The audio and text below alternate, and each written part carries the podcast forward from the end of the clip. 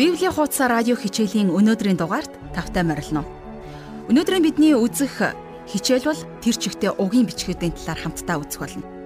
Эдгээр угийн бичгүүд нь энэ дэлхийн олон үндэстнүүдийн өвөг дээдс болсон тэр түүх гарал гэсэн үг.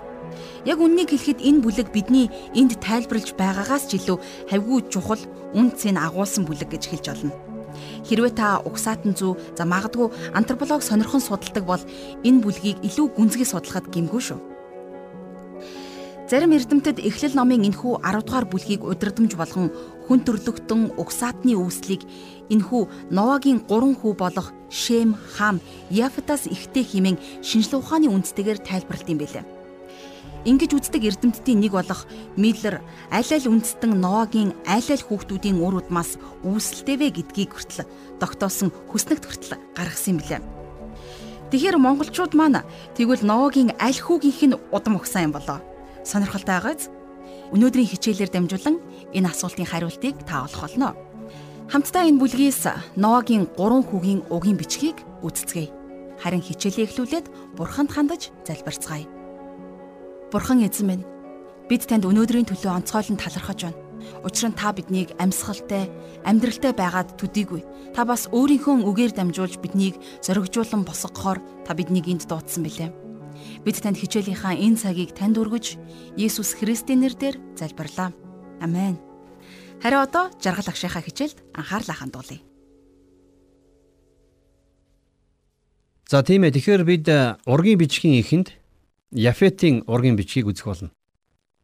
Дараа нь Хамын ургийн бичиг, за тэгээ сүүлд нь Шемийн ургийн бичиг гарна. Библиэрээс э, бид нэг зүй тогтлыг олж харж болно. Тэр нь юу вэ гэвэл Бурхан эхлээд дандаа өөрийн үл тоосон тэр ургийг эхэнд нь дурддаг. За тэгээд тэдний талаар ямар нэгэн зүйлийг хэлээд цаашид дахиж дурсдаггүй. За хамгийн сүүлд нь өөрийн сонгосон ургийн тухай өгүүлдэг. Тэр ураг нь яван явсаар эзэн Есүс Христ рүү хөдөлдөг юм. За тэгэхээр хамтдаа Эхлэл номын 10 дугаар бүлгийн 1-ээс 2 дугаар ишлэлийг гаргаад харцгаая. За энд ингэж хэлсэн байна. Новогийн хөвгүүд болох Шем, Хам, Яфет нарын үр удам нь ийм ажээ. Үер болсноос хойш тэд хөвгүүд төрүүлв. Яфетийн хөвгүүд нь Гомер, Магог, Мадай, Яван, Тубал, Мишех, Тирас нар болоо гэсэн байна. Тэгэхээр энэ нэвтрүүлгийн эхэнд хөтлөгчийн дордсон эрдэмтэн Миллерийн хүснэгтээс харах юм бол скитчүүд, славууд, орсууд, болгарууд, богемчууд, польшууд, словакууд, хорватууд, Яфетийн хүү Магогийн удам болж таарч байна. За энтхгүүд болон персүүд, иранчууд, Яфетийн хүү Мадайн удам байх нь. За тэгээд цаашлах юм бол эртний грек, ромчууд, одоогийн Франц, Испани, Португал, Италичууд бүгд Яфетийн хүү Яваны үр удам байх нь. Яфетийн хүү Терасын үр удам нь Эрдэнэ фракчууд за наашлах юм бол Тевтончууд өнөөдрийн германууд, скандинавчууд, англи саксонууд байх нь. Хүснэгтийг тэр чигээр нь дурд боломжгүй ч гэсэн ерөнхийдөө европчууд болон энтхэг иранчууд нь Яфетийн удам байх нь гэдг нь ойлгочхоор болоод байна. За 10 дугаар бүлгийн 6 дугаар ишлэгийг харъя. Хамын хөвгүүд нь Куш, Мизраим, Пут, Канаан нар болоо. За эндээс харах юм бол хаамд дөрвөн хүү байсан ч ганцхан Канааныг бурхан хараасан болж таарч байна. Жохом яагаад гэдгийг харамсалтай нь би мэдэхгүй. А Канааны удмаас хуучин гэрээний үеийн үндэстнүүд болох Хитчүүд, Ебисчүүд, Аморчууд за тэгээд цаашлах юм бол Гиргаш, Хивичүүд үүссэн байна. Харин хаамын хүү Кушаас Этиопчууд, за Египтүүд, Левичүүд зэрэг Африкийн үндэстнүүд үүссэн байдаг. За тэгээд цааш нь харах юм бол Кушийн хүү Нимродын талаар Библийн яг энэ хэсэгт дурдсан байна. За 8-аас 10 дугаар ишлэлдэр Куш нь Нимродыг төрүүлсэн бөгөөд тэр нь газар дэлхий дээрх хүчрхэг нэгэн болжээ. Тэрээр эзний өмнө хүч чадалтай анчин байв. Тиймээс эзний өмнө чадалтай анчин Нимрод шиг гэсэн яриа бий болжээ гэсэн байна. Тэгэхээр Кушийн хөвгүүд хүчрхэг болж энэ дэлхийг захирахыг оролдсон байна. Энд эзний өмнө чадaltaй анчин Nimrod шиг гэж бичсэн байгаа. Энэ нь Nimrod зүгээр нэг ан хийхтэй чадварлаг хүн байсан гэсэн үг биш. Харин тэрээр өөр зүйлийн анчин байсан. Энэ талаар бид удахгүй тодорхой үзэх болно. За харин одоо цаашаа уншицгаая. Эхлэл номын 10 дугаар бүлгийн 10 дугаар ишлэл. Түүний хаанчлал нь Шинарын газар нутагдах Бабел, Ерех, Акад, Калнегаас эхэлжээ. Нимрод Шинарын нутагдах агуу хотуудыг байгуулсан байдаг. За тэгэхээр Шотландын алдартай теологч Александр Хислоп гэдэг хүн өөрийнхөө домогт хоёр Вавилон хэмээх бүтээлтэй. За Бабелийн цамхгийг барихад Нимрод ямар их чухал үүрэг гүйцэтгсэн талаар тодорхой дурдсан байдаг. За энэ талаар ярих юм бол хадуураад явчин. Тиймээс та бүхэн энэ бүтээлийг боломж олдвол олоод уншаарай. Нимрод нь усан галвын дараа хүн төрлөختнийг нэгтгэн цуглуулж өөрөө тэдний агуу удирдахч болохыг санаарсан байна. Тэгээд тэр Бабелийн цамхгийг барьж эхэлсэн. За энэ цамхаг хожим нь юу болж дууссныг бид нар сайн мэднэ. Тэгэхээр анхны агуу үндэстнүүд хаамын хөвгүүдээс бий болсон байх нь. За бид үүнийг тогтоож авах хэрэгтэй. Дэлхий дээрх хамгийн анхны хоёр ч агуу соёл иргэншил өнгөт арстнууд буюу хаамын хөвгүүдээс үүсэлтэй байх нь. За үүнээс цааш дэлгэрэнгүй ярилгүй энэ хүрээ зогсё гэж бодож байна. Бид ариун сүнсний явсан мөрөөр явж байна гэж ойлгож байна. Бурхан Библиэлд гологдсон ургийг эхэлж дурдаад түүний тухай хэсэг өгүүлээд орхидог. За яг тэр зарчмаар бид нар бас явж байна гэсэн үг. За яванда бид Авраам болон түүний үр удам руу очих болно. Тэгээд эцэст нь бид нар явсаар байгаад Христ Есүс дээр очих болно. Бид нар хуучин гэрээний туршид энэ замаар буюу Авраамийн удмын замаар дагаж явах болно. За нэг талаас нь харах юм бол Бурхан эндээс бусад үндэстнүүдтэй төр салах ёс хийсэн байна. Бурхан энэ дэлхийн үндэстнүүд дундаас Авраамыг түүний үр удам болох Израильчуудыг сонгосон. За тэгээд бусад үндэстнүүдийг байгаагаар нь төр орхисон юм шиг харагдаж байдаг. Гэхдээ бурхан тэр үндэстнүүдийг бүр мөсөн орхиогүй. Тэр үндэстнүүдийг бүгдийг нь өөрийнхөө хүүхдүүд болгохын тулд Есүс Христийг илгээсэн юм. Учир нь гэвэл бурхан тэднийг бүгдийг нь бүтээсэн. За бас бүгдийг нь хайрладаг. Бурхан Монгол үндэстнийг ч орхиогүй. Түүхийн нухчаан дунд Монгол гэдэг үндэстнийг бурхан хоёр хүчрхэг улсын дунд аль нэгэнд нь уусгалгүйгээр авч үлдсэн юм.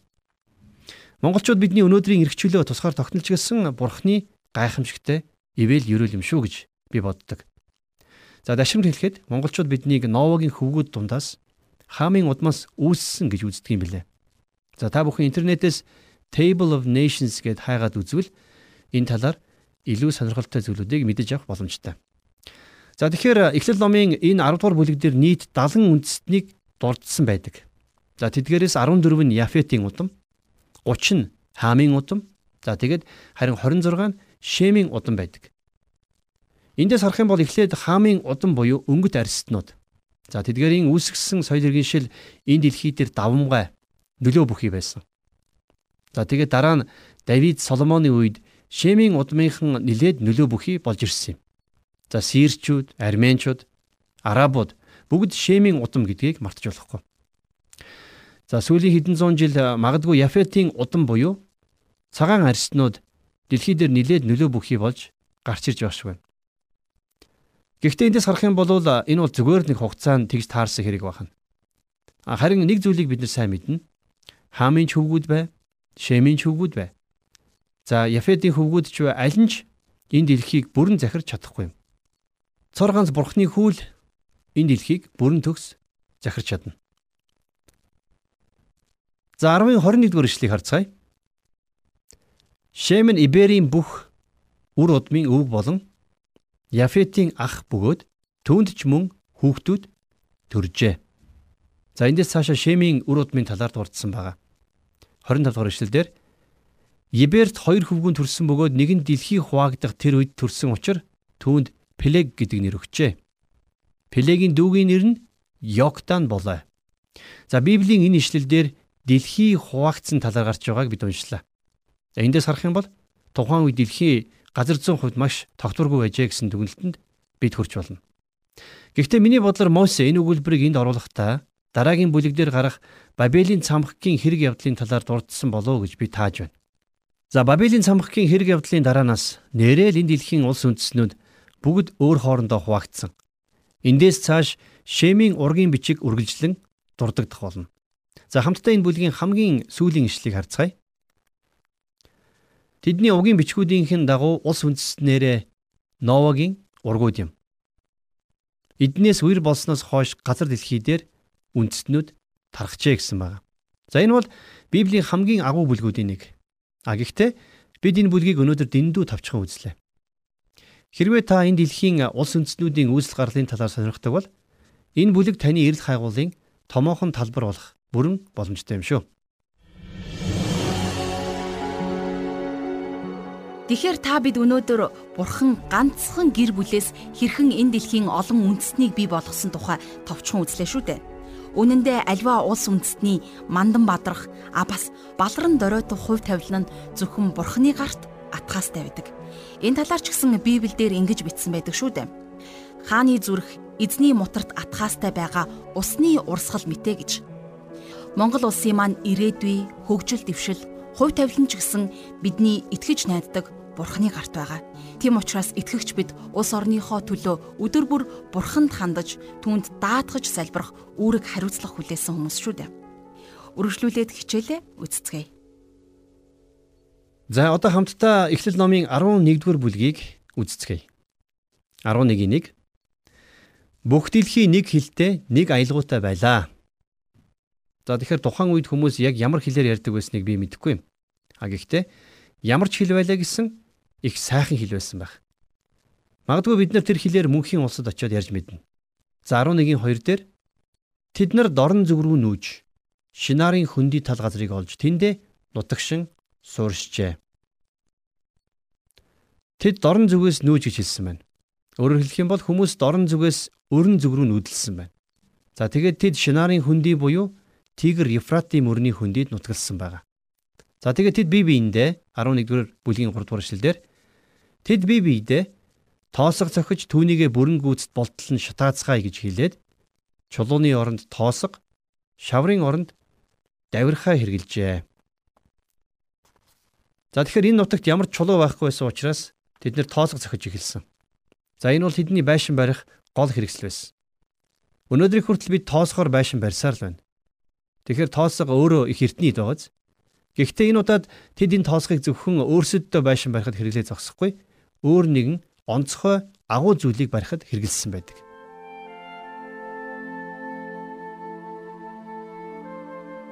Тэгэхээр Эхлэл номын 14-р бүлгийн эхэнд энэ дэлхийн нэг хилтэй байсан гэж өгүүлсэн байна. Аргагүй шүү дээ. Бүх ус үндэстэн Нова гэдэг нэг гэр бүлээс үүссэн юм чинь Тэгвэл өнөөдөр яагаад ийм олон янзын хил, ийм олон янзын хил аялгау бий болчихсон болоо? Өнөөдөр дэлхий дахинд байгаа энэ олон хилийг бурхан бүтээсэн. Чухам яагаад бүтээсэн болохыг та бүхэн Библийн хуудасаар нэвтрүүлгийн дараагийн дугаараас хүлээн авч сонсоорой. Хэрвээ энэ дэлхийн бүх хилийг бурхан бүтээсэн бол аялгууд сайхан монгол хилийг манч гэсэн бурхан бүтээсэн. Тэгвэл ийм сайхан хил соёлыг бидэнд өгсөн бурханд хандаж залбирцгаая. Үн эртний ерөөл бэлгээр энэ Монгол түмэнд минь айлчлан ирсэн. Эзэн Христ таны нэр магтагдах болтугай. Энэ улсыг, энэ үндэстнийг та өөрийн жигүүр дороо халахлаач. Бас мутартаа тэгээч гэж бид санаа нэгдэн залбирч байна. Улс орныг минь эсгэрэх сумнаас, гим нүглээс, өвчин зовлон, гай гамшиг, үсгэлэн гуйламжлаас аварч хамгаалж, бас татан гаргаж. Таавал бидний цорын ганц найдвар. Бид таны мутарт Монгол улсаа даатгаж Есүс Христийн нэрээр залбирлаа. Амен.